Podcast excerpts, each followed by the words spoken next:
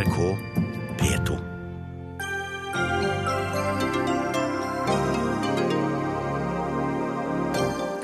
Våpenhvilen skulle vare i 72 timer, men ble brutt etter bare tre. Flere enn 50 mennesker drept i Gaza i dag. Lærerstreiken kan bli trappet opp og omfatte flere tusen lærere ved skolestart. Kunnskapsministeren håper partene gjør sitt ytterste for å komme fram til en løsning før den tid. Historiens verste ebolautbrudd har ført til unntakstilstand i flere land i Afrika. Norge gir nå 15 millioner kroner til bekjempelse av epidemien.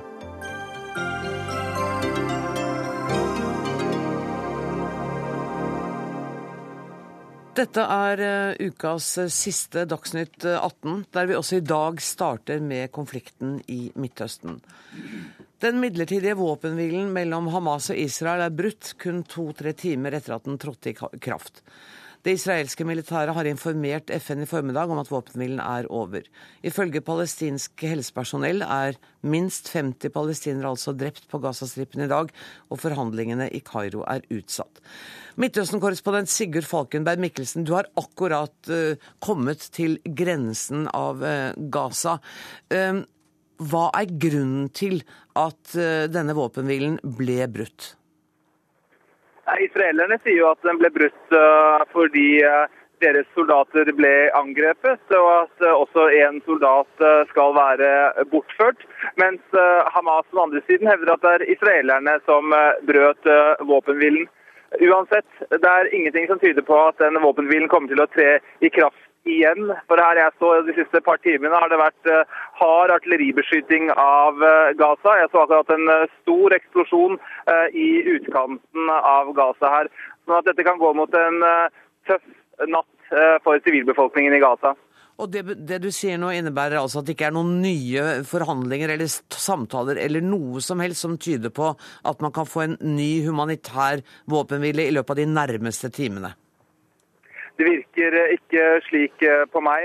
Eh, og nå har vi også fått denne bortføringssaken, som jo dominerer eh, mye av nyhetsbildet her i Israel. Og Benjamin Netanyahu har jo nå en, et krisemøte eller kabinettmøte med den israelske regjeringen. Det har ikke kommet noe ut derfra.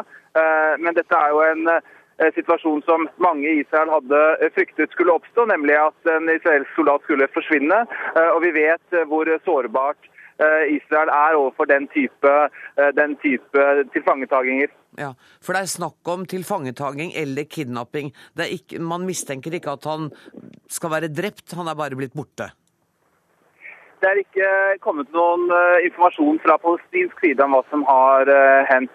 Uh, det er bare israelerne som sier dette foreløpig. Eh, det kan jo tyde på at det kanskje er en annen gruppe enn Hamas som har stått eh, for bortføringen. Eh, men det er umulig å si på det nåværende tidspunkt. Men faktum er at israelerne mener at de har en soldat som er borte. Og det gjør nok at det kommer til å gå mot ytterligere stridigheter her i de nærmeste dagene, vil jeg tro. Netanyahu har jo også sagt at uh, han vil fortsette Han føler seg tvunget til å fortsette bombingen så lenge Hamas bruker disse tunnelene til uh, å frakte våpen og angripe Israel. Er dette realiteter, eller er det krigsretorikk? Vi så jo at uh, De tok ikke lang tid før våpenhvilen ble brutt. og Tunnelene har jo vært argumentet Netanyahu har brukt Eh, for å eh, gå inn på bakken i eh, Gaza. De sa også at de ble veldig overrasket over å finne tunnelene så vidt godt utbygd. Om det stemmer eller ikke, at de ikke visste på forhånd, er en annen sak. Men det er klart at dette er en stor sak i Israel. Jeg tror mange israelere er forberedt på en lang krig. og Netanyahu er, nyter stor popularitet som følge av denne krigføringen. Men spørsmålet er selvfølgelig hvor lenge det vil vare, eh, så lenge de israelske tapstallene fortsetter, og at eh, vi eventuelt kan få da en bortføringssak som eh, det vi har gjort nå.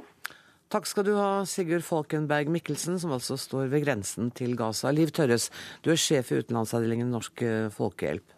Generalsekretær. Du er generalsekretær. Her står det sjef i utenlands. Det er noe jeg ikke har sjekka godt nok. Jeg vet det jo.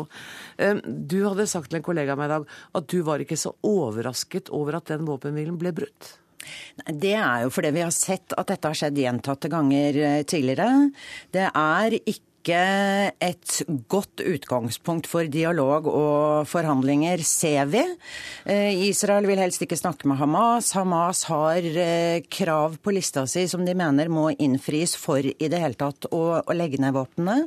Så det er en ekstremt krevende situasjon, og samtidig vanvittig viktig at vi nå får en avtale, en våpenhvileavtale, og en heving av blokaden har jeg lyst til å legge til, sånn at denne katastrofen stoppes. Og vi har jo sett bildene av sivilbefolkningen som lider. Altså, mm. Dere har folk i Gaza. Hva rapporterer de?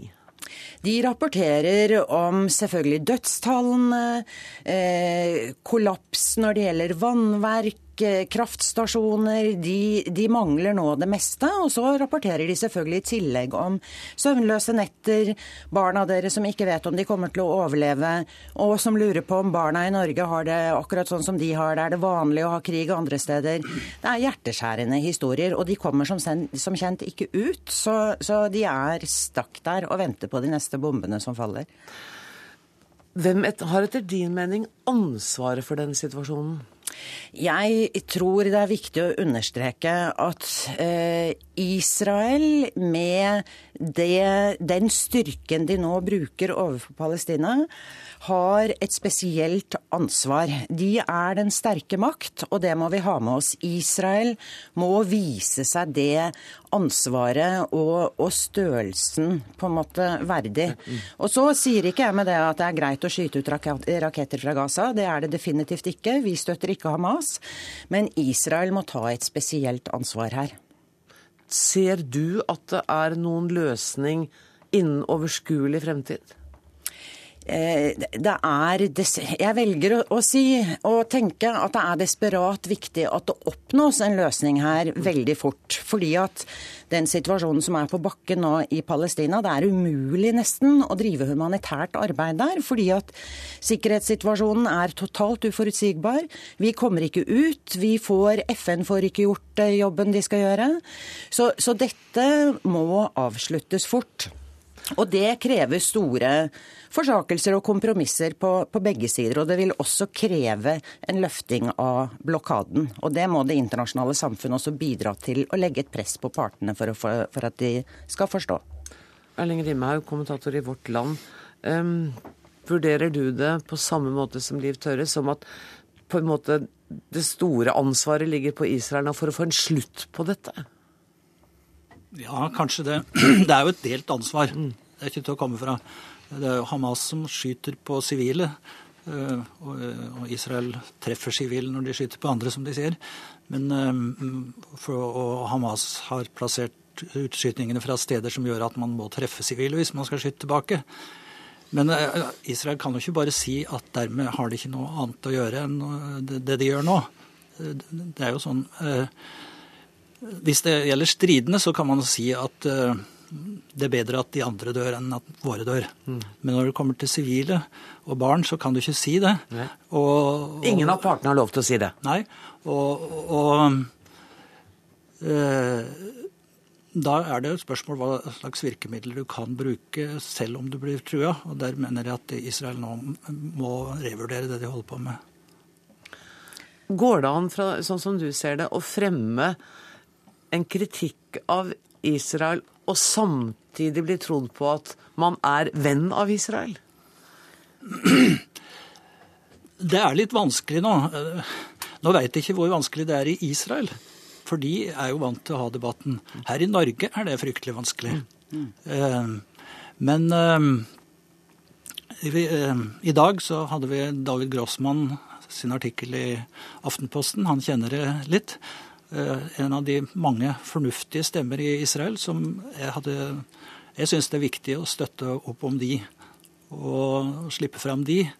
Og det viser jo at det er godt mulig å ha andre synspunkter enn den israelske regjeringen og fortsatt være venn av Israel. Jeg tenker jo også at det er viktig å understreke at Israel taper også på dette. Jeg kan ikke fatte og begripe annet. Hatet mot Israel øker på palestinsk side. Hamas får økt oppslutning.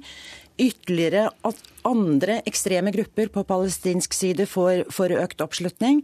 Dette kan umulig bidra heller til Israels sak. Og da tenker jeg det er viktig for alle Israel, venner av Israel også å bidra til en stopp på dette, tilretteleggelse for forhandlinger, og forhandlinger som innebærer oppheving av blokaden og sameksistens. De er nødt til å leve sammen. Mm.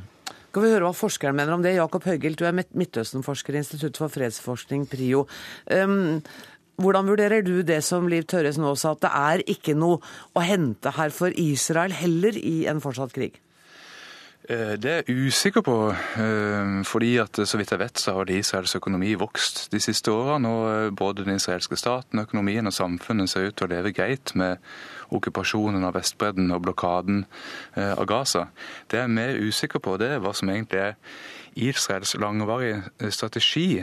For dette, denne, i all sin tragedie så er jo det vi ser nå, det er jo bare del av et mønster som nå gjenspiller seg for tredje gang på, på fem år. Eh, og de kyniske israelske sikkerhetskommentatorer og folk i etablissementet der kaller det å klippe plenen. At man, eh, man, eh, man, klipper vekk Hamas sin kapasitet. Man tar noen tunneler. Men alle vet at du kan ikke utradere Hamas fullstendig. Du kan ikke fjerne Gaza. Problemet er der. Så at, med den strategien Israel ser ut til å ha, så er dette noe som bare kommer til å gjenta seg med ujevne mellomrom igjen og igjen og igjen. Og spørsmålet er da hva ønsker Israel å oppnå i det lange løp? Beløp, og hvor mange palestinske sivile liv er de villige til å la gå tapt ved å bruke denne strategien? Eh, jeg har også hørt stemmer som hevder at eh, Israels nå eh, bombing av Gaza gjør at Hamas faktisk politisk og ideologisk får mer støtte fra flere palestinere. Er det en riktig observasjon? Ja, så vidt jeg vet så, så er det jo sånn at uh, under og etter sånne offensiver hvor det er så veldig, er så veldig tydelig uh, hvem som er Godat og hvem som er David, så får uh, Hamas økt oppslutning. Kanskje bare for en stakk lukket stund, eh, men de får, eh, de får, økt oppslutning i sånne situasjoner fordi mange palestinere, enten de er i Hamas eller Fatah eller andre venstregrupperinger, eh, legger da til side de indre stridighetene og sier at nå må vi stå sammen som folk. Og Det har vært veldig tydelig på Vestbredden, på sosiale medier blant palestinere at det er en veldig sterk kritikk mot, eh, mot hvor stille eh, Abbas og den palestinske selvstyremyndigheten på Vestbredden har vært. Eh, også blant Fatah grasrota. Man ønsker større enhet. Så er det vanskelig å si hvor lenge disse følelsene varer når dette angrepet er over og det legger seg. Liv Tørres, din organisasjon arbeider altså mm. aktivt for å bedre den humanitære situasjonen for sivilbefolkningen. Mm. Vi andre føler jo på en maktesløshet, men gjør til og med dere det? Jeg, jeg, jeg, vil vel si det sånn at, at Gaza og Palestina-Israel-konflikten er vel mest det mest krevende programmet vi har. Én ting er jo at det er ekstremt vanskelig å jobbe inne på Gaza. Dette er ikke en situasjon hvor du har på en måte en flyktningeleir et sted hvor du kan frakte inn eh, mat, nødhjelp osv. Eh, hvor ting er regulert, sikkerhet er rimelig avklart. På Gaza så er det ingenting som er avklart. Sikkerhetsutfordringene nå er gigantiske. Det er i praksis omtrent umulig å jobbe. Og så er det jo også sånn at denne konflikten er preget av så sterke følelser. Det er vanvittig vanskelig å uttale seg kritisk om Israel uten at man får vanvittige anklager eh, tilbake. Og det gjør det jo selvfølgelig også veldig krevende her. Samtidig som jeg tenker at Desto viktigere er det at vi, vi, appellerer gjentatte ganger til at disse debattene må tas på en ordentlig måte.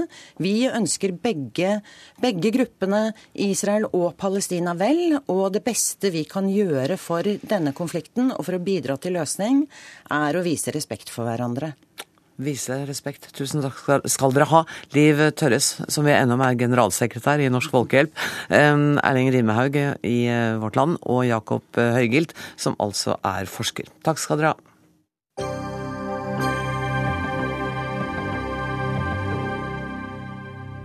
Så til hjemlige forhold. Lærerkonflikten ser ut til å være fullstendig fastlåst. Det møtet som var planlagt mellom partene denne uka, ble avlyst.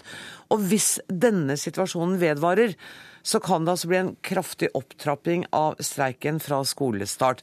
Kunnskapsminister Torbjørn Røe Isaksen, bare for å eh, presisere. Det kommer altså ikke til å bli streik i Oslo. Eh, og den streiken som allerede er i gang, den omfatter 36 lærere ved Rothaugen skole i Bergen. Allikevel må jeg spørre deg, på en skala fra Nei, jeg skal ikke gjøre det, men du er bekymra? Selvfølgelig. Eh, for det, selv om eh, streik er et lovlig virkemiddel, så er det jo sånn at streik alltid rammer en tredjepart. Det rammer elever, det rammer foreldre, og det rammer andre som er berørt av skolen. Og det er jo KS og lærerorganisasjonene som er parter i dette. Men jeg tror det er veldig vanskelig for, lærere, for foreldre og elever og andre berørte å forstå eh, hvorfor det blir en streik hvis ikke partene har gjort sitt ytterste for å forsøke å finne en løsning. Mm. Så det er jo litt paradoksalt at det skulle være et møte i går som man ikke hadde. Eh, her er det KS på den ene siden som har et stort ansvar. Lærerorganisasjonene har jo hatt en votering og sagt nei til avstemmingsresultatet. Så partene kan ikke slutte å snakke, selv om det da ligger en streik som ser ut til å bli trappet opp. Hvilken uh, instrumentell rolle kan du ha nå til å Jeg skjønner at du ikke kan gå inn i forhandlinger, men, men kan du på en måte si Hør, da. Møt, møt hverandre. Det, det, er et veldig godt spørsmål, og du sier at ja, jeg skjønner at du ikke kan gå inn i forhandlingene. og Det er jo ikke, det er ikke umiddelbart sånn at alle kanskje tenker at eh, en kunnskapsminister ikke kan, kan, gå inn i forhandlingene om arbeidstid i skolen. Men det er jo en veldig viktig del av denne norske modellen som vi har snakket så mye om, at det er partene i arbeidslivet som forhandler. Og det er kommunene som er arbeidsgivere her, og så er det lærerne som er de ansatte. Og det det først og fremst er diskusjon om, er arbeidstidsavtalen. Så formelt sett så har ikke regjeringa noen rolle i det. Men, men, jeg er veldig opptatt av de som rammes av streiken. Og jeg er veldig opptatt av at vi skal ha et tillitsfullt og godt forhold mellom partene i Skole-Norge. Hvis vi skal klare å oppfylle våre ambisjoner om en bedre skole, så er vi helt avhengig av at lærere og skoleeiere har tillit til hverandre. Så jeg er selvfølgelig bekymra når man ser at et stort flertall av lærerne sier nei til det framforhandla resultatet, mm. men også at lærerne uttrykker en slags mistillit til sin motpart. Det er det klart at hvis det varer og ikke gjøres noe med på sikt, så gjør det det vanskeligere å drive utvikling i Skole-Norge. Sånn at selv om du da ikke har en instrumentell rolle nå, fordi du ikke kan gripe inn i forhandlingene, så kan du bruke Dagsnytt 18 til å si til partene at oppfør dere som voksne folk og møt hverandre?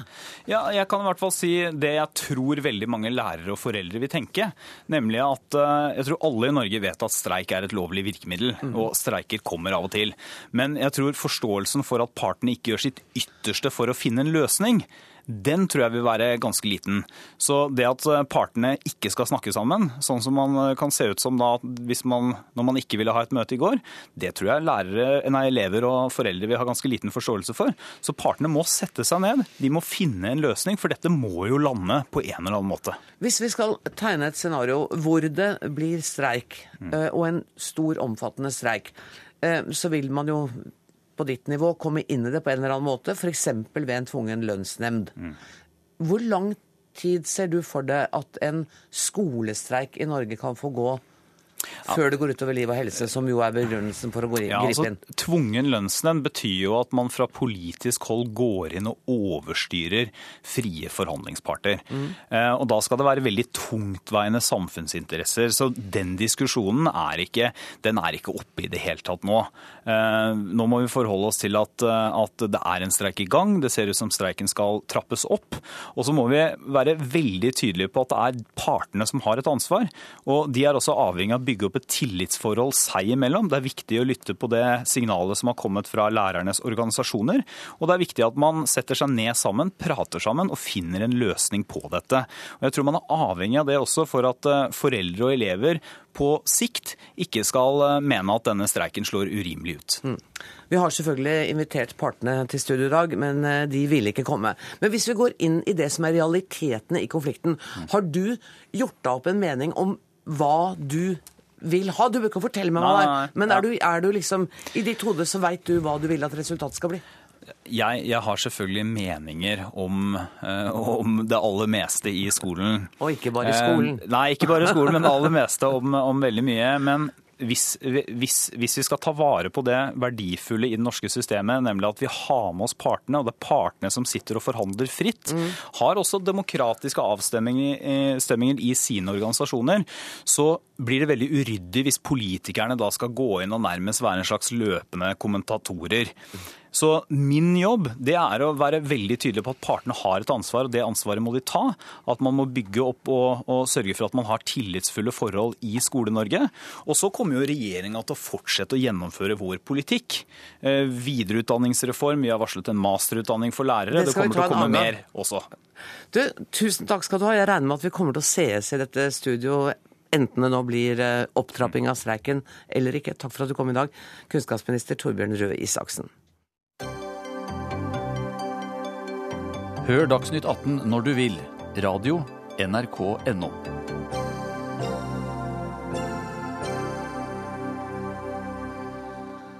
Situasjonen kan utvikle seg til å bli katastrofal hvis ebolaepidemien fortsetter å spre seg slik den har gjort til nå, advarer Verdens helseorganisasjon, WHO. Flere enn 700 mennesker er døde, og flere enn 1300 er smittet. Det er de siste tallene vi har fått. Nå øker Norge støtten til bekjempelsen av utbruddet med 15 millioner kroner. Sebastian Stein, du arbeider for Leger uten grenser og er med oss på telefon fra Sierra Leone. Hvordan er situasjonen der du er akkurat nå? Situasjonen er relativt alvorlig. Um, vi har ikke kontroll på utbruddet sånn som det er akkurat nå. Um, det er flere ting som må på plass for at uh, spredningen skal stoppe seg. Uh, særlig aktiviteter ute i uh, landsbyer i forhold til å spore opp folk som har vært i kontakt med boligpasienter og gi dem medisinsk oppfølging for å se om de utvikler symptomer. Eh, uten dette så, så er det ikke noen måte å stoppe videre spredning på. Eh, vi kan behandle pasienter, men det i seg selv er ikke nok. Eh, vi har fått meldinger om at skoler er stengt, det er økt grensekontroll, at en del statlige ansatte ikke skal på jobb. Er dette tiltak som er effektive? Jeg tror det, det, viktigste tiltakene som må på plass er, er akkurat det jeg snakket om. At man, man, har en mulighet til å finne de som har vært i kontakt med boligpasienter, eh, og, og, gjøre oppfølging av dem. Og Det er et kjempearbeid. Vi snakker hundrevis, kanskje tusenvis av personer som daglig må få, få oppfølging eh, i form av legesjekk for å sjekke om de har feber osv. Så, um, så her er det ikke det, er ikke det nytter ikke å gjøre små grep. Her må det store, eh, store mobilisasjoner på plass. Eh, mobilisering på plass, og det, det skjer ikke ennå. Tusen takk skal du ha, Sebastian Stein fra Leger uten grenser. Siri Hauge, du er overlege ved divisjon for smittevern ved Folkehelseinstituttet. Er dette vi har fått beskrevet nå, slik du har fått beskrevet det fra andre afrikanske land, f.eks. Liberia? Mm. Ja, Det er jo, som han sier, en svært alvorlig situasjon i disse landene. Eh, med stadig smittespredning og eh, altfor få ressurser til å kunne håndtere utbruddet sånn som det er i dag. Og Det er jo foreløpig tre land som er affisert, pluss én smittet i Nigeria. Man vil jo nå først og fremst fokusere på å finne de smittede og nærkontaktene der, for å hindre at utbruddet også sprer seg til nye land. Men du, hvordan finner man smittede? Eh, nå hørte vi Stein snakke om eh, landsbygda i Sierra Leone. Altså, hvor skal man begynne å lete? Ja, det er en utfordring å komme i kontakt med, med landsbyer som ligger fjernt unna, og som kanskje ikke heller ønsker kontakt med helsevesenet, for det er en del skepsis mot myndighetene i, i disse områdene. Så det er isolerte områder uten spesiell eh, god forbindelse. Så man må jo faktisk gå ut og finne disse landsbyene og, og spørre folk om det er syke der. Og isolere de syke og snakke med folk rundt og høre hvem som har vært i kontakt med dem. Det er et veldig tungt arbeid og krever masse folk. Det har jo vært eh, ebolaepidemier tidligere, eh, og de har dødd ut så å si naturlig fordi den jo ikke smitte ved dråpesmitte. Den er ikke så smittsom som en influensa. Men er, er dere også overrasket over hvordan den denne gang har spredt seg? Jeg tror alle er overrasket over alvorligheten og størrelsen på dette utbruddet. Man vet jo ikke helt hvorfor det har blitt så stort uh, av omfang og ennå ikke har uh, brent ut av seg selv, som vi har sett tidligere, som du sier. Eh, så, så, hvorfor det er sånn, det vet man ikke. Sykdommen er den samme som før. og viruset, ja, ikke, for det, det, lurte jeg på. Ja. Kan viruset ha forandret seg slik at det nå smitter på andre måter? Det er ingenting som tyder på det. Og dødeligheten er jo omtrent på nivå som man også har sett tidligere. Eh, så det er nok andre faktorer som gjør at det sprer seg, men, men eh, hvorfor, det vet man ikke. Um, kan vi ta kontakt med deg igjen, Sebastian Stein. Når smitten har skjedd, er det da fremdeles mulighet til å helbrede det mennesket, eller hvor høy er dødeligheten her? Eh, Dødeligheten er mellom, i vårt tilfelle her i Leone, så ligger det mellom 60 og 70 eh, Men det, det er som du, som, du, eh, som du, er inne på, det finnes ingen kur som sådan. Så det eneste som vi kan gjøre, er å gi Eh, behandling som, som, styrker kroppen, altså helt basis. Sørge for at pasienten er hydrert og det spiser nok, mm. Eh, sånn at immunforsvaret får jobbe på best mulig måte. Eh, og så er det å andre, behandle andre infeksjoner, som igjen er med på å styrke immunforsvaret. Og så til slutt så er det å gi smertelindrende behandling. Men jeg ønsker bare å kommentere litt på det som blir sagt om hvordan dette smitter. Mm.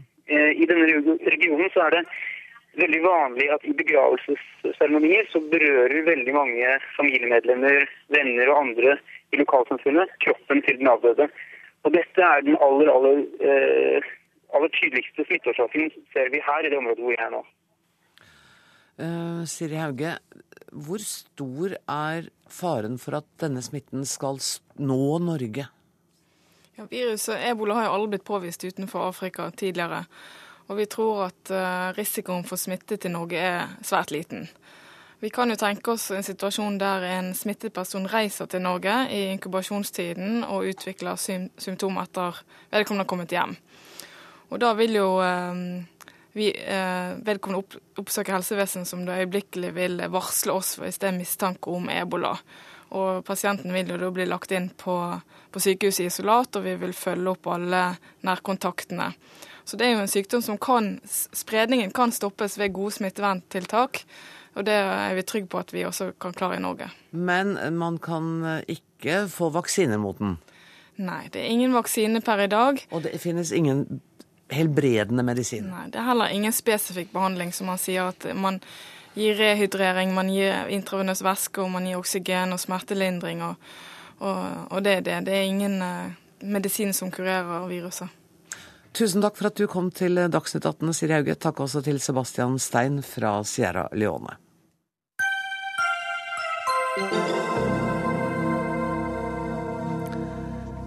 Tiggerforbudet som regjeringen har gjennomført, er preget av politisk prestisje og hastverk. Det mener Arbeiderpartiet, det mener SV og det mener Kristelig Folkeparti.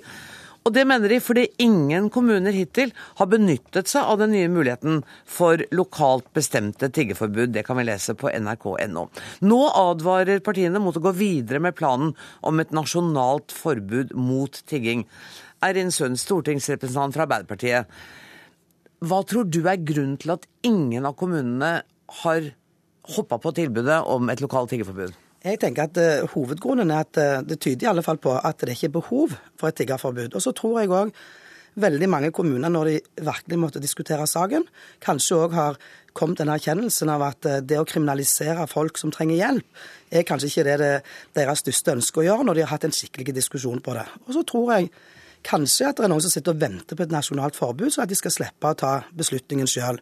Men jeg mener i alle fall at når ingen har gjort dette til nå, når det var så vanvittig viktig for regjeringen og for folk ute å få dette på plass før ferien, så forteller det meg i alle fall at behovet har ikke vært i den størrelsen som Fremskrittspartiet og Høyre og de har meint at det var. Mener du at dette var et hastevedtak? Jeg mener, jeg mener, at det har vært en debatt og en diskusjon som jeg faktisk ikke syns er verdig. For at en har lagt eh, en sak, eller lagt dette større enn det faktisk er, og det mener jeg dette er et bevis på.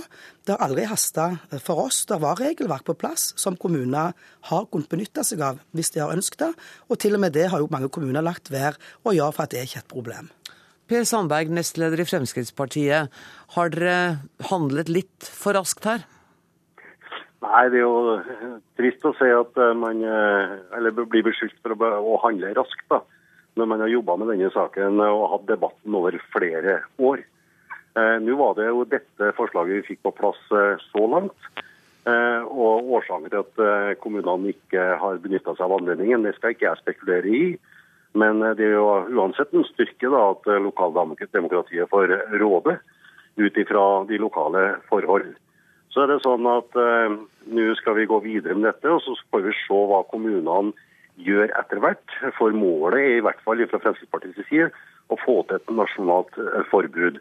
Eh, og det er jo ikke, som Eirin sier, eh, nødvendig fordi at vi skal eh, gjøre fattige folk eh, og straffeforfølge fattige folk. Det er jo med det som ligger bak tiggerproblematikken i større grad, i hvert fall Fremskrittspartiet interessert i å få til et forbud. Men er det ikke et tydelig signal til regjeringen at ikke en eneste av landets kommuner har benyttet seg av den muligheten de har til å gjennomføre dette lokale tiggerforbudet? Signalet før eh, vedtaket var jo at en rekke kommuner ønska å innføre tiggerforbud. Og jeg tror nok at Eirin har eh, ganske så rett i at eh, mange kommuner kanskje nå avventer et nasjonalt forbud for å slippe å ta denne avgjørelsen sjøl. For det lå jo i kortene da når vi gjorde dette vedtaket eh, sist, eh, som eh, nesten kan kalles midlertidig. Hvor fort kan det nasjonale vedtaket komme? Ja, Det må jo inngå i en, eh, en runde med kommunene, det nå da, syns jeg. Fordi at eh, Når ingen kommuner benytter seg av den muligheten som ligger der nå, så må man kanskje ha en større eh, kommunikasjon, bredere dialog med kommunene, for å se hvorvidt at, eh, hva kommunene virkelig ønsker seg. Ja, Så kanskje er det ikke nødvendig med noe nasjonalt tiggerforbud? Hvis ikke Jo. kommunen er interessert? Jo, eh, et nasjonalt forbud må komme uansett, men det med bakgrunn i helt andre forhold enn de at det sitter mennesker på gater og tigger. Det er det som ligger bak eh, tygging. Altså her med menneskehandel, eh, smugling eh, og annen type kriminalitet som ligger bak eh, eh, tiggerproblemet. Ja, men, men det, Dette er en av de tingene som jeg faktisk syns er et stort problem, det som Per, per Sandberg sier nå. Fordi at En av de tingene som eh, Fremskrittspartiet og Per Sandberg har forfekta hele veien i debatten, det er at, krim, at tigging er lik kriminalitet. Og Det viste seg jo i høringen som var på Stortinget, der Advokatforeningen bl.a. tilbakeviste det veldig sterkt og sier at det er ingen sammenheng mellom tigging og kriminalitet.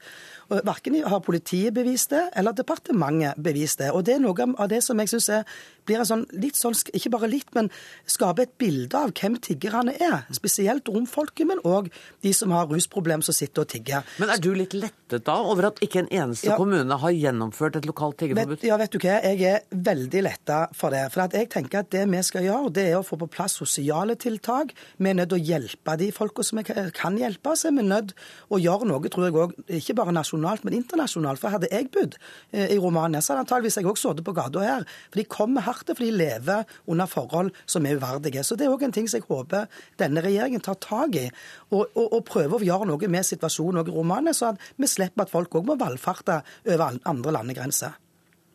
Ja, det er jo veldig interessant eh, at eh, Litt morsomt også, kanskje. eh, At dem som da er imot et tiggerforbud, nå går til angrep og nærmest latterliggjør et forbud eh, som de faktisk var, i, var imot. Men, men det som Eirin peker på i forhold til dokumentasjon, eh, så er det varierende. Det er ingen tvil om. Eh, Og jeg velger å ha tillit til, til det norske politiet. Jeg velger å ha tillit eh, til dem som har gjort undersøkelsene både i Sverige og Danmark som viser at det er betydelig kriminalitet, organisert kriminalitet, som ligger bak dem som kommer til Norge og tigger. Det handler ikke om det mennesket som sitter og tigger. Det handler om dem som organiserer dette på helt uakseptable måter. Det, at det er både menneskehandel, overgrep mot barn osv. Dette er dokumentert, eh, men, men det handler ikke om det enkelte mennesket som sitter og tigger. Til vanlig så pleier jo Fremskrittspartiet å være opptatt av det enkelte mennesket, men i denne sammenhengen så tar de alle over samme lesten. De sier at eh, tigging er lik eh, menneskehandel, er lik eh, misbruk av barn osv. Nå sa han ikke det, da. Nei, men han sier likevel at det, det bakenforliggende vil ha tak i. Jeg mener at hvis folk bedriver kriminalitet når de tigger òg, så skal de selvfølgelig enten i fengsel eller sendes ut. Men vi kan ikke behandle de som tigger som ei gruppe, for de er like mangfoldige som vi andre er, som, som, som ikke tigger. Så det, For meg blir det den der skremselen bak det. Og det er jo det som også er bakgrunnen til at de ønsker et forbud. Ja, ja, men Eirin, Det er den ene siden. Det er det bakenforliggende. Kriminaliteten og det, det umenneskelige som ligger der. Det andre som skjer, og det har vi hatt en rekke eksempler på i Norge også, Når disse menneskene som sitter og tigger, ikke greier å skaffe til vei inntekt, så flytter man virksomheten sin fra det offentlige rom, altså fra gata, inn i kjøpesenter, inn i de private hjem. Og det har vi hatt en rekke eksempler på. Ok, Så nå snakker du om den enkelte tigger, Sandberg, bare sånn at vi presiserer det? Ja, ikke, nå gjør du det? Ja, ja, Ja. vi har hatt tilfeller av når inntektsgrunnlaget forsvinner for disse menneskene, som er satt i en fortvilt situasjon for at de har satt seg i gjeld til menneskehandlere så, og gjeld i forhold til å komme seg til, eh, til Norge, Sverige og Danmark. Så har man betydelig gjeld, og man er under press. Og da må man ty til uante midler for å skaffe til inntekter for å betale tilbake. Det har vi også sett en rekke eksempler på. Okay. Men, det, men starten på det, det er jo gjennom det at det finnes altså organiserte kriminelle der ute som, som legger til rette for at disse menneskene kommer i denne situasjonen. Og det er der hovedprioriteringa ligger i forhold til forbud. Og dermed fikk du siste ordet i denne samtalen. Eh, Der tror jeg du ble borte for oss også. Eh, Ikke uventet så er dere fortsatt uenige, men takk til Per Sandberg og Eirin Sund.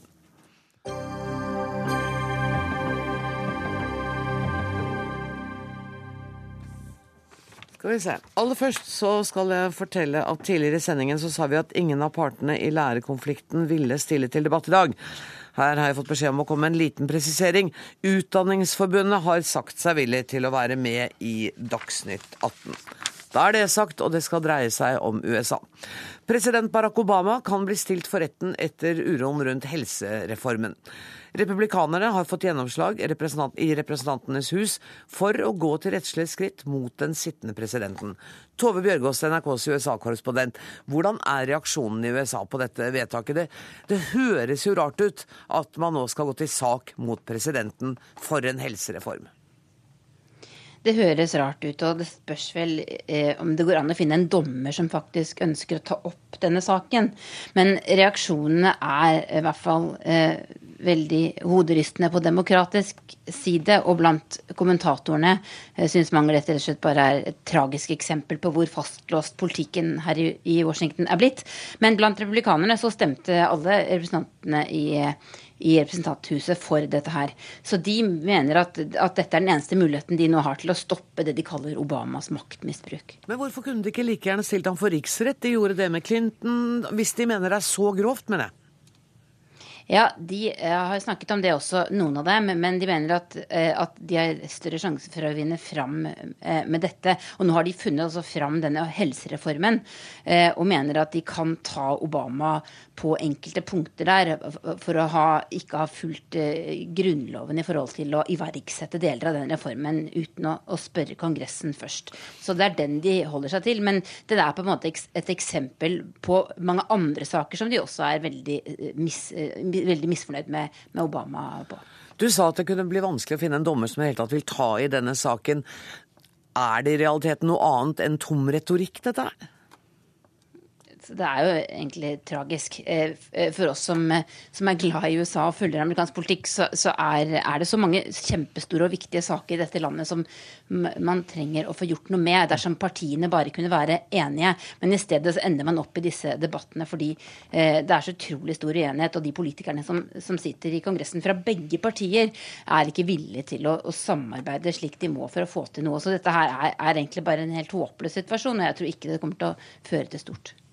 Helene Melgaard, Nord-Amerika-viter og en av personene bak nettstedet amerikanskpolitikk.no. Hvor spesielt er det at Representantenes hus vil trekke presidenten for retten?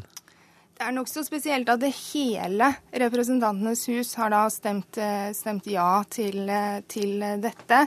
Eh, Tidligere har man sett grupper og enkeltpersoner har ønsket å saksøke Obama, men, men eh, å få med seg hele huset er, er eh, noe spesielt.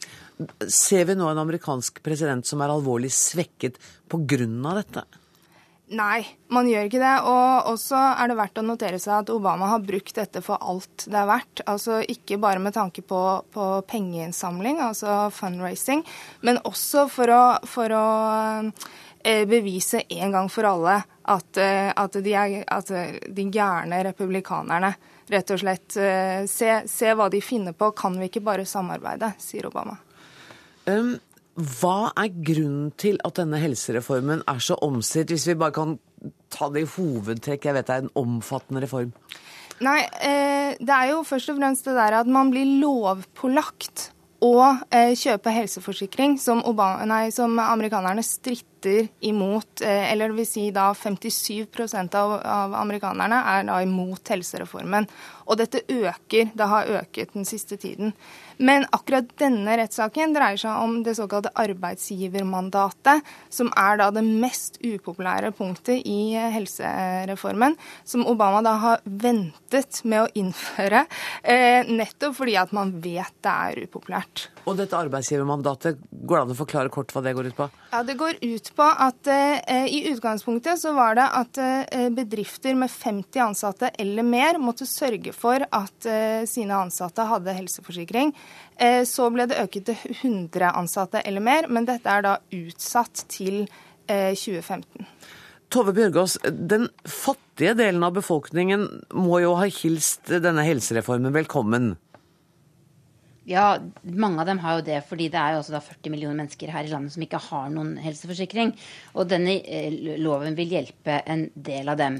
Eh, men så er det veldig komplisert, dette her. Og for enkelte andre, spesielt de som driver egne bedrifter og driver små bedrifter, så kan dette her bli dyrt, for nå blir de pålagt at alle skal ha forsikring. Og en god del unge mennesker har heller ikke hatt forsikring. Så det har vært mange, mange runder. Og så ble det jo vanvittige bruduljer da de laget et nettsted hvor folk skulle kjøpe disse forsikringene.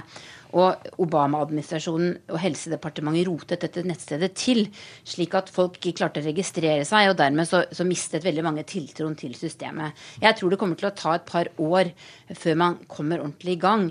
Eh, men, men, man må huske på at dette er et stort land, og dette er en reform som endrer grunnlaget for hvordan helsetjenester er administrert eh, i USA. Og, og det, er, det, er, en veldig stor reform som selvfølgelig også graver seg langt i den amerikanske folkesjela. Fordi mange mener at det er ikke staten som skal garantere eh, for noe av dette.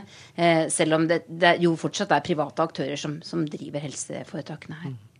Helene Melgaard, tror du at det blir en rettssak mot eh, Obama? Nei, jeg tror ikke det, men det kan skje. Og hvis, altså hvis man får en dommer eh, med seg, eh, så vil antagelig han da beordre Obama til å implementere da dette upopulære vedtaket. Men på lang sikt så kan man tenke seg at presidentens makt blir svekket mm. av at man nettopp får med seg en føderal dommer. Eh, på det her. Men det igjen vil jo da slå tilbake på republikanerne, kanskje ved en senere anledning. Det var så langt vi kunne ta den amerikanske helsereformen i denne sendingen. Tusen takk skal dere ha, Helene Melgaard og Tove Bjørgaas.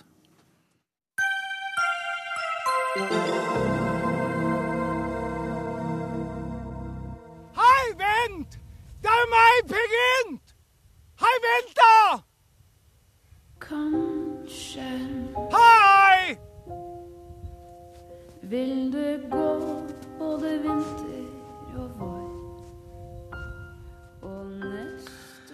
Noen vil kanskje trekke litt opp hit på skuldrene over at Nationaltheatret igjen setter opp Per Gynt. De vet i så fall ikke hva de har i vente. Hjertelig velkommen, regissør Alexander Mørk Eide. Takk. Neste lørdag braker det løs. Ja. Per Gynt møter Fredrik Skavlan. Mm. Hva er det du har gjort nå? Hva er det vi har gjort? Nei, jeg vet ikke helt. Vi og du vet ikke helt? Nei, for nå er det en uke igjen, og da er det bare kaos. Det? Det, bruker, ja, men det bruker det alltid være, så det er ikke så veldig farlig egentlig. Men da, da er det så vanskelig å si hva det, er, hva det, er, vi holder på med, eller hva er det vi gjør, og hvorfor vi holder på i det hele tatt. Men jeg skal forsøke. Flott. Uh, det er jo et slags ønske om å forsøke å oversette den teksten fra da den kom, til nå. Og uh, forsøke å finne tilbake til en del av den humoren som er der. Eh, det er jo absolutt et morsomt stykke når man leser det i dag også, men det er mye som har gått glipp på veien eh, da den på sin tid refererte til eh, virkelig dalevende personer og, og, og samfunnsspørsmål og, og altså norgeskritikk så klart som lå i stykket, som, som er ikke så tydelig for folk som ikke er velbelest omkring eh, språkstriden på Nei, slutten av 1800-tallet. Så, så, så, det er et eh, ønske om å oversette det og gjøre det morsomt igjen, egentlig. Og så gjør du det til et talkshow-studio. Ja. Per Gynt er gjest. Det er han. Det er ikke første gang i verdenshistorien at det blir gjort, men, men det er kanskje første gang han, han er hos Skavlan. Det er det vel. Og der kommer det mange andre vi kjenner òg. Ja. Sånn at du gjør jo da det samme som Ibsen gjorde, med å ta tidsaktuelle mennesker og problemstillinger Ja. og flytter dem inn. Gi meg et hint om noen av dem jeg kan få se på. Det er sikkert noe som har vært her. Nei, men vi får jo noen sånn, politiske ledere som, eh, som Erna Solberg og Siv Jensen. Og så har Per Fugelli fått en markant rolle. Ja vel?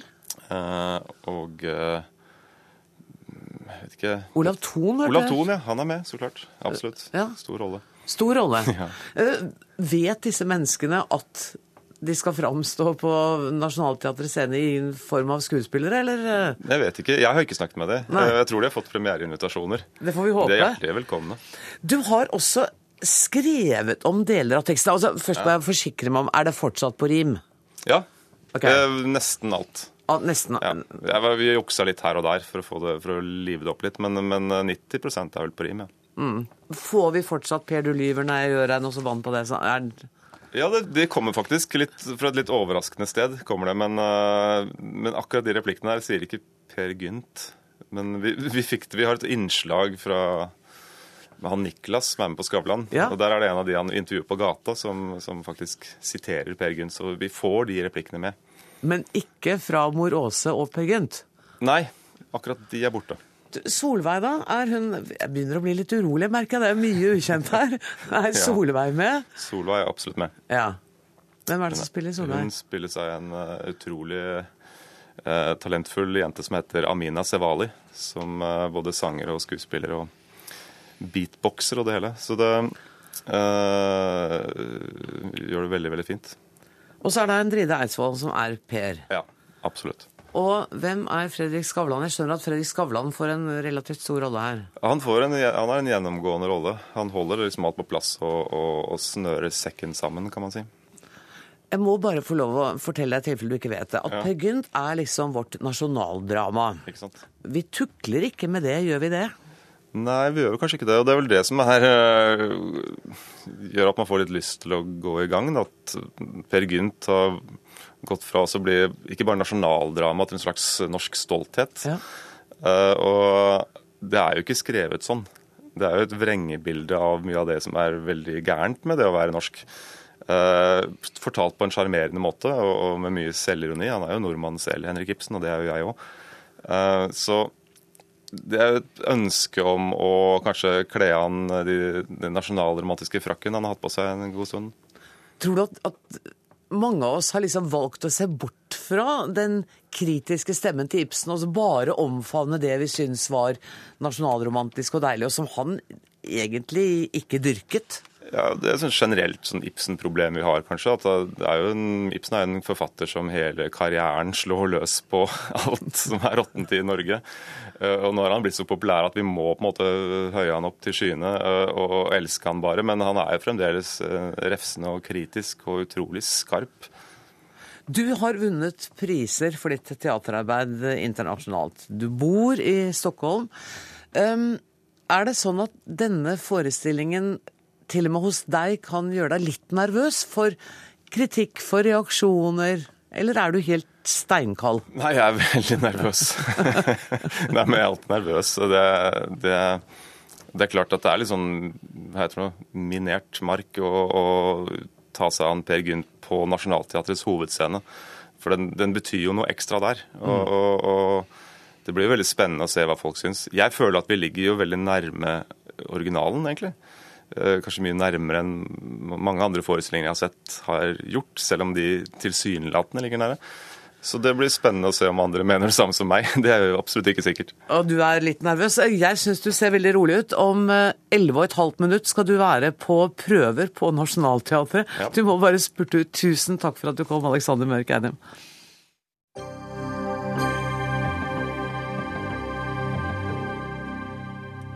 Korrupsjon, løgner, baksnakking, det er ingrediensene i kampen om å bli den neste sjakkpresidenten i Det internasjonale sjakkforbundet. Russeren Kirsan Ilumsjinov eh, står mot russeren Garri Kasparov. Begge kommer til sjakk-OL i Tromsø, som eh, starter altså i morgen. Bård Vegard Solhjell, du er sjakkentusiast og har fulgt denne valgkampen. Magnus Carlsen sier til Dagbladet at det har vært en stygg valgkamp. Er du enig? Ja, det har vært en stygg valgkamp, det har det. Og den pågår enda. Jeg er her i Tromsø nå. og Tromsø by preges av det. Jeg var nettopp på åpningen der Ilumchinov var. Og hvis du går ned i sentrum, så finner du De bor på forskjellige hoteller, de to kandidatene. Og utenfor Kasparov sitt hotell så henger det store plakater med budskapet 'The future of chess Kasparov'. Oi. Så her er, det, her er, det, full kamp inn mot det siste, og jeg tror nok at at òg stemninga her kan bli litt prega av den valgkampen. Og det skjønner jeg at det ikke er noen morsom uh, rivalisering, men ganske så alvorlig.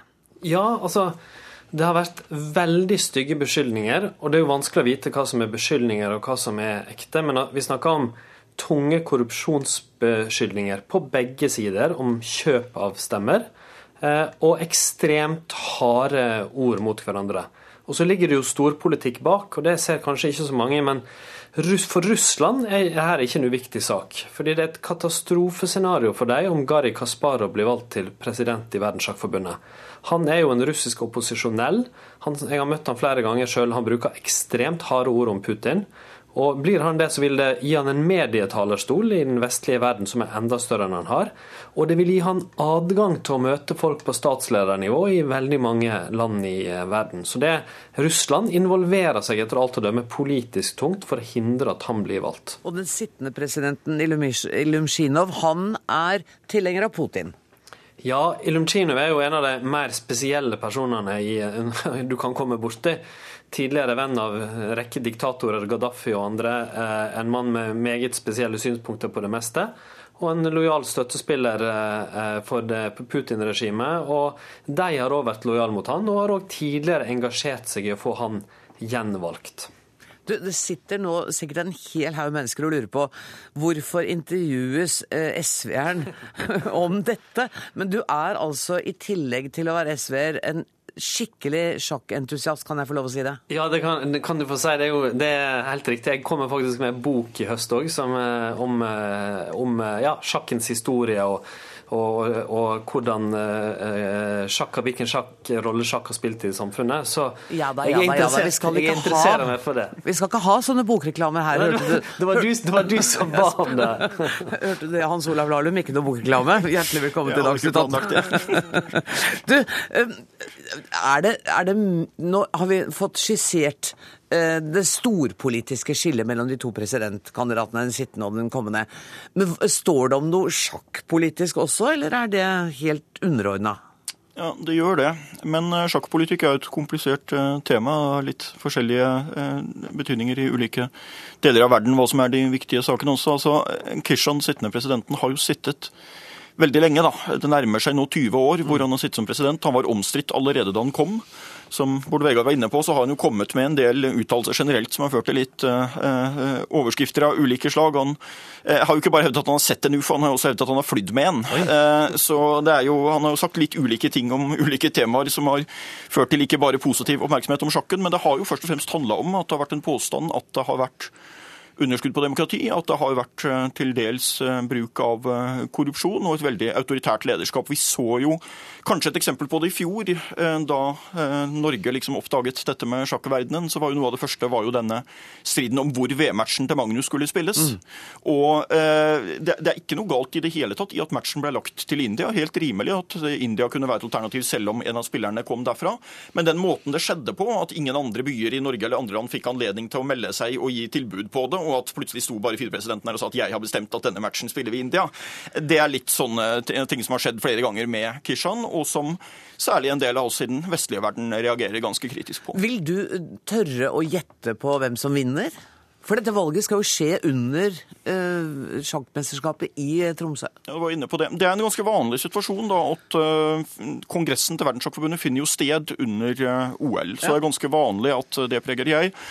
Håper på Kasparov. Jeg tror at det mest sannsynlige er et gjenvalg. Men altså, to ganger før så har han møtt motkandidater med litt lignende situasjoner.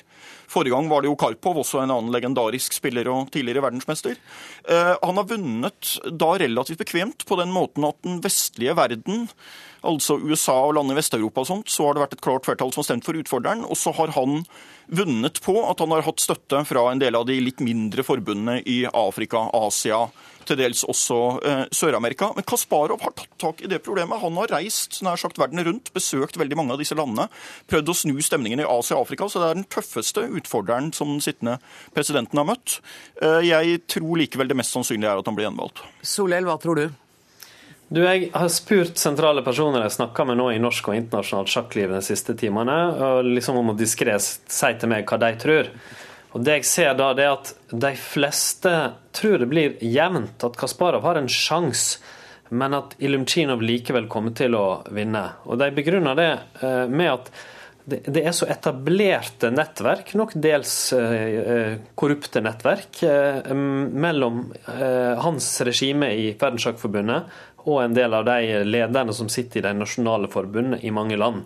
Så er det nok et tilleggsmoment vi skal være obs på. at i, i, Norge og i Vesten så ser vi på Kasparov som en spennende og flott person. Jeg, jeg håper sjøl intenst at han skal vinne. Jeg tror Verdenssjakkforbundet virkelig trenger endring. Men at han er vestlig og så veldig sterkt antirussisk, trenger ikke være en fordel i alle steder i verden. Eh, så jeg, jeg tror det, det, er åpent enda, men uh, hvis jeg skulle spilt pengene mine, så ville jeg nok jeg tro at det er størst sjanse for Kinov. Men spenning til slutt, det tror mange det blir. Men dere, Hans Olav Lahlum først.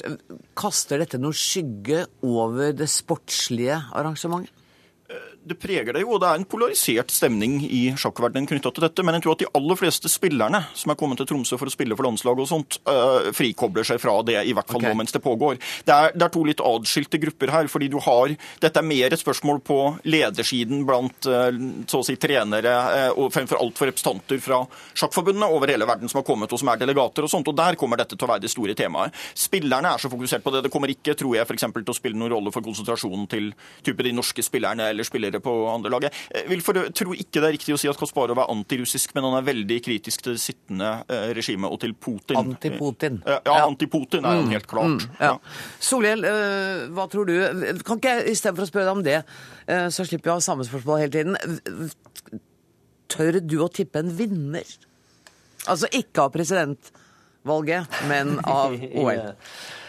Jeg holder Russland som den største favoritten. Men, og Norge, da? Jeg tror ikke Norge har sjans helt opp i toppen. Men vi er sidet blant de 15 beste? Ja. Hvis Norge, hvis Norge blir blant de 5-10 beste, så vi veldig, skal vi være veldig fornøyd. For husk, sjakk er altså, Store land som Kina, USA, Frankrike, Russland, Ukraina og andre er store sjakknasjoner. Så det å gjøre det godt i sjakk, det, det, det er virkelig å gjøre det godt i en verdensidrett. Og Lahlum, du må tippe. Ja, jeg tipper Kina på kvinnesiden med en spennende duell med Russland der. Lag som jo var omstridt om skulle få delta, men som nå kommer. Ganske åpent på, i åpen klasse eh, da. Men eh, det norske laget, rangert nummer 13, ville være en stor prestasjon hvis de eh, kan komme inn på topp 10. Det tror jeg de har en realistisk mulighet til.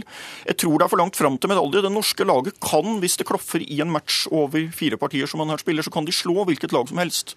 Men for å komme på topp tre, så må de slå lag etter etter lag etter lag som vil være høyere rangert på tre av fire bord. Mm. Fordi Grunnen til den høye forlånsrangeringen Norge har, er at vi har verdens suverent høyeste etede sjakkspiller på første bord, men han kan bare spille ett parti, han også. Så jeg vil regne topp ti for en uh, veldig stor uh, prestasjon der. Men uh, det sterkeste norske laget noensinne, og det sterkeste nordiske laget, i hvert fall i moderne tid, så det er kjempespennende. Og Vi heier på dem. Hva sa du, Solveig? Nei, jeg skulle bare si at det som virkelig, det folk skal følge med på, er klart hvis Magnus er i virkelig toppslag, Magnus Carlsen, og Simen Agdstein, andre norske store spilleren gjennom mange år, spiller så godt som han gjorde i turneringa i Stavanger før sommeren. Da kan det bli veldig spennende for Norge. Så jeg, det, det, er ikke utenkelig at Norge skal ta en medalje og blande seg opp i toppen. Og vi kan i hvert fall gjøre veldig sterke resultater mot de beste sjakknasjonene i verden. Veldig godt å ikke snakke politikk med deg for en gangs skyld, Bård Vegar Solhjell. Um, til slutt, Lanum, skal du ta med deg den fantastiske sjakkjakka di og reise til Tromsø? Ja, ja, nei, Jeg er konsekvent på å bare bruke sjakklige sammenhenger. Jeg skal reise opp til uh, OL i Tromsø og være frittløpende sjakkambassadør i åtte dager fra mandag, og da kommer jeg til å gå rundt med den også. Ryktes det at jeg dukker opp hos NRK på tirsdag. Takk for at dere var med, Bård Vegar Solhjell og Hans Olav Lahlum. Ansvarlig for dagens Dagsnytt 18 var Ida Tune Øritsland. Det tekniske ansvaret har Lisbeth Sellreite. Jeg heter Anne Grosvold og ønsker alle en riktig god helg.